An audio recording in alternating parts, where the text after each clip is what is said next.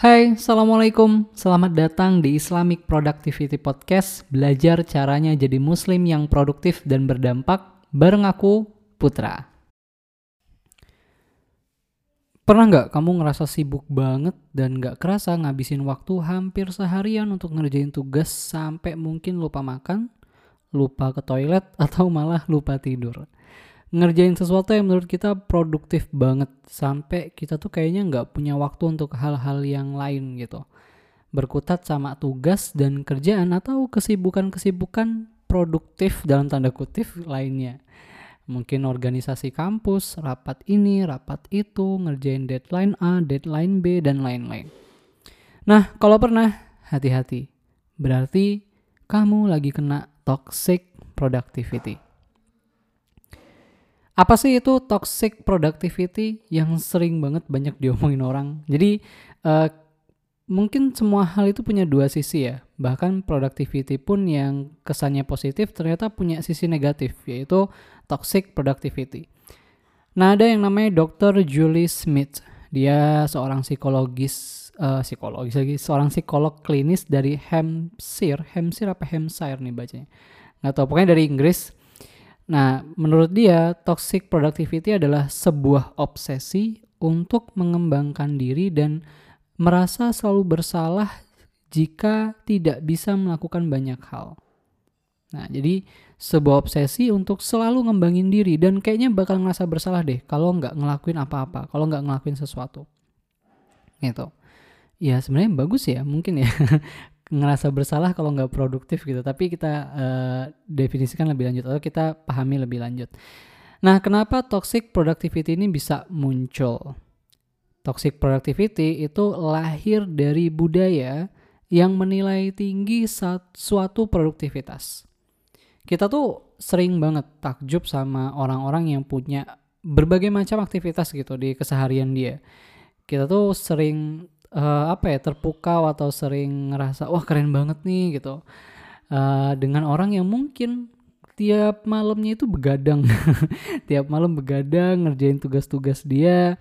Juga mungkin sama konten-konten yang itu di depan laptop uh, terus ngerjain sesuatu terus-terusan gitu kan. Terus ada kayak quotes-quotesnya ada kayak kata-kata motivasinya. Dan akhirnya kita jadi muncul keinginan gitu untuk jadi salah satu dari orang-orang itu. Well, mungkin nggak sepenuhnya salah, tapi ternyata gitu, ternyata produktivitas itu akan jadi sesuatu yang baik kalau kita tahu batasan diri kita. Dan akan jadi berbahaya si produktivitas ini kalau malah mengesampingkan kebutuhan-kebutuhan dasar kita atau melewati batasan dari yang disanggupi sama tubuh kita itu jadi kayak akhirnya gara-gara pengen produktif kita mengabaikan uh, kebutuhan makan kita kebutuhan minum kita kebutuhan untuk bersosialisasi dan lain-lain. Nah produktivitas itu juga bisa jadi toksik kalau muncul perasaan bersalah ketika kita rehat sejenak dari kesibukan atau sekedar ngelakuin hobi uh, hobi kita di mana kita nganggap hal-hal tersebut tuh jadi sesuatu yang nggak produktif itu adalah definisi toxic productivity yang umum banget hari ini. Dan mungkin semua orang bakal setuju sama pendapat ini. Tapi tapi sebagai muslim kita harus punya cara pandang atau point of view yang beda, yang unik dan khas ala kita muslim gitu. Kenapa? Karena gini, uh, orang yang bukan muslim itu pasti ngelihat sesuatu itu hanya berdasarkan kacamatanya mentok-mentok sampai dunia lah. Bukan sampai dunia cuman dunia lah gitu. Mentok-mentok sampai ke kematian. Dah selesai. Tapi kenapa kita sebagai muslim harus punya sudut pandang atau cara pandang yang berbeda? Karena cara pandang kita itu menilai sesuatu nggak sekedar selesai sampai di dunia ini aja atau nggak mentok sampai di kematian aja. Tapi masih ada setelah itu yaitu apa ada kehidupan setelah kematian yaitu akhirat. Harusnya kita sebagai muslim sepakat sama hal ini gitu. Kita sepakat bahwa uh, setelah kematian ini nanti ada kehidupan lagi yaitu kehidupan akhirat. Nah, cara pandang muslim terhadap toxic productivity ini harusnya beda. Karena tadi alasannya. Jadi uh, menurutku toxic productivity itu bukan cuma sekedar overwork. Aduh ada suara notif. Bukan cuma sekedar overwork.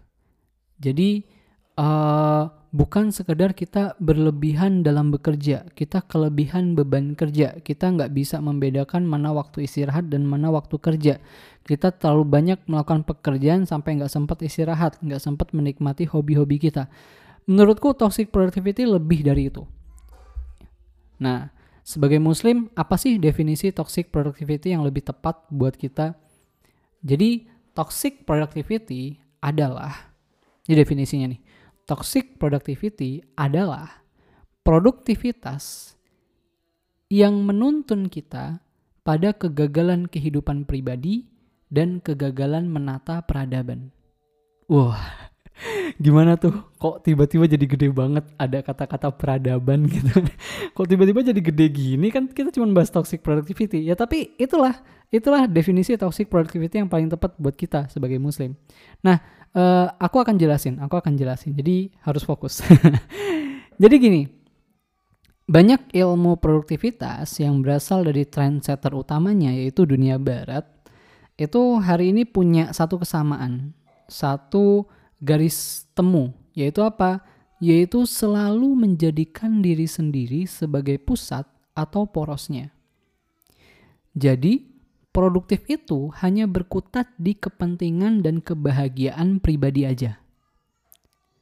Nah, jadi hanya berkutat di kebahagiaan dan kehidupan pribadi aja, kepentingan dan kebahagiaan pribadi aja. Jadi makanya muncul kayak quotes-quotes atau motivasi-motivasi uh, kamu nggak perlu dengerin orang lain, buktikan aja kalau kamu mampu, buktikan kalau kamu sukses, beli mulut mereka, bungkam mulut mereka dengan kesuksesanmu gitu.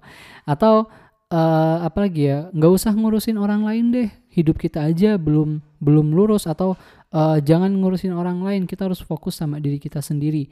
Yang penting diri kita bahagia dan lain-lain. Nah mungkin awalnya nggak bakal kerasa ya. Jadi di awal-awal kelihatannya aman-aman aja gitu. Tapi lama kelamaan ini bisa jadi bahaya banget. Karena akhirnya kita jadi manusia yang minim empati gitu loh. Bahkan saking minimnya empati kita bersosial pun atau kehidupan sosial pun itu kita bakal lihat dulu dari segi keuntungan pribadinya itu gimana. Nah kita akan jadi minim banget sama empati, kita bakal sibuk sama kehidupan pribadi kita aja, dan kita akan abai sama permasalahan sosial.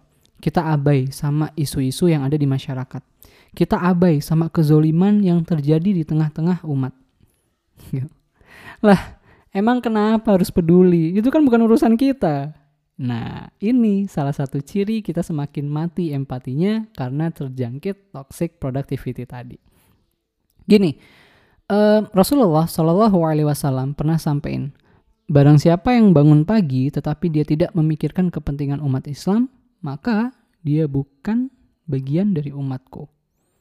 Bayangin, nanti ketika kita di yaumul akhir, saat kita lagi sendirian nih, di hari di mana bahkan suami itu udah lupa atau nggak kenal sama istri, udah abai sama istri, istri abai sama suami, anak abai sama bapak, bapak abai sama anak, bahkan ibu abai sama anaknya dan anak pun abai sama ibunya. Semua sibuk ngurusin diri sendiri, semua sibuk ngurusin dirinya masing-masing gitu, nyari pertolongan tapi nggak ada yang bisa nolong. Nyari pertolongan sana sini, tanya sana sini, nggak ada yang bisa nolong kecuali satu orang, yaitu siapa? Rasulullah Shallallahu Alaihi Wasallam. Eh udah ketemu nih tapi pas ketemu dan mau minta tolong ternyata kita nggak dianggap sebagai umatnya. Sakit nggak? Aduh sakit banget. Naudzubillah min jalik jangan sampai Allah gitu. Jadi toxic productivity itu dampak buruknya nggak cuma di dunia aja tapi sampai ke akhirat. Di akhiratnya tuh yang kayak tadi kita jadi nggak bisa dapat syafaat nggak bisa dapat pertolongan gitu nah dan di dunia toxic productivity ini cuma mengantarkan kita ke toxic success. Apa toxic success? Yaitu kesuksesan yang nggak ada ketenangan dan kebahagiaan di dalamnya. Nah ini mungkin akan kita bahas uh, next episode ya, ngebahas tentang toxic success itu apa dan gimana gitu. Nah terus gimana nih cara ngatasin toxic productivity ini? Tentu ketika sudut pandang kita beda, POV kita udah beda, maka cara yang dipakai nggak bisa sama dengan cara uh, dengan sudut pandang umum yang itu ngelihatnya cuman sebatas dunia. Tapi karena kita ngelihatnya sampai ke akhirat, uh, beyond this world gitu, berarti kita harus pakai tipsnya itu juga beyond this world. Yang pertama, cara mengatasi toxic productivity ini yang pertama adalah pahami peran dan alasan kita diutus ke dunia ini sama Allah. Gitu. Sebenarnya kita hadir di dunia ini buat apa sih? Tujuannya untuk apa sih? Gitu loh. Dan kita ini di dunia hidupnya buat ngurusin diri sendiri aja atau ngurusin orang lain juga. Nah ini harus belajar dan harus tahu. Yang kedua, kita harus terus belajar dan terus ikhtiar untuk menemukan potensi utama diri kita.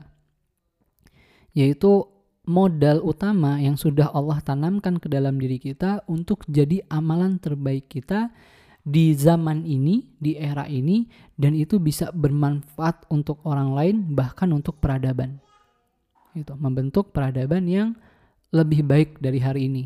Di mana hari ini kezoliman merajalela, kemiskinan di mana-mana, orang mati kelaparan, eh, korupsi, nepotisme, oligarki, aduh, subhanallah, banyak banget. Jadi peradaban sekarang itu nggak pantas disebut peradaban yang uh, apa ya rahmatan lil alamin hanya karena peradaban yang rahmatan lil alamin cuma bisa dibentuk dengan Islam gitu. Nah, jadi coba cari dan temukan potensi utama kita. Apa sih uh, apa ya bahasanya passion? Passion kita yang itu bisa jadi modal utama kita jadi amalan terbaik dan amal jariah kita. Itu.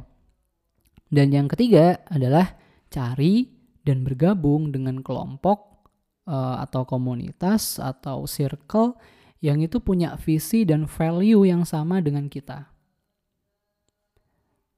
Kenapa? Supaya menguatkan dan semakin memperjelas jalan kita. Kalau kita bingung, kita punya teman untuk sharing, kita punya guru untuk tanya, kita punya uh, circle untuk brainstorming bareng, punya teman-teman buat bikin satu event atau apa pun itu gitu. Semakin memperjelas akhirnya jalan kita untuk jadi impactful, produktif muslim. Apa itu impactful produktif muslim? Yaitu muslim yang produktif dan berdampak. Jadi produktivitasnya nggak cuma untuk diri sendiri, tapi juga untuk orang lain. Sukses kehidupan pribadi dan sukses membangun peradaban. Insya Allah. Jazakumullahu khairan udah dengerin Islamic Productivity Podcast. Follow podcast ini supaya nggak ketinggalan bahasan selanjutnya dan jangan lupa kasih rating sesuai sama penilaian kamu. Kamu juga boleh banget loh share podcast ini ke Instagram story kamu dan tag at Muhammad AGS Saputra. Kalau ada kritik dan saran atau request tema bahasan selanjutnya, boleh banget langsung DM aku. Sampai jumpa di episode selanjutnya. Islamic Productivity, be an impactful, productive Muslim. Wassalamualaikum warahmatullahi wabarakatuh.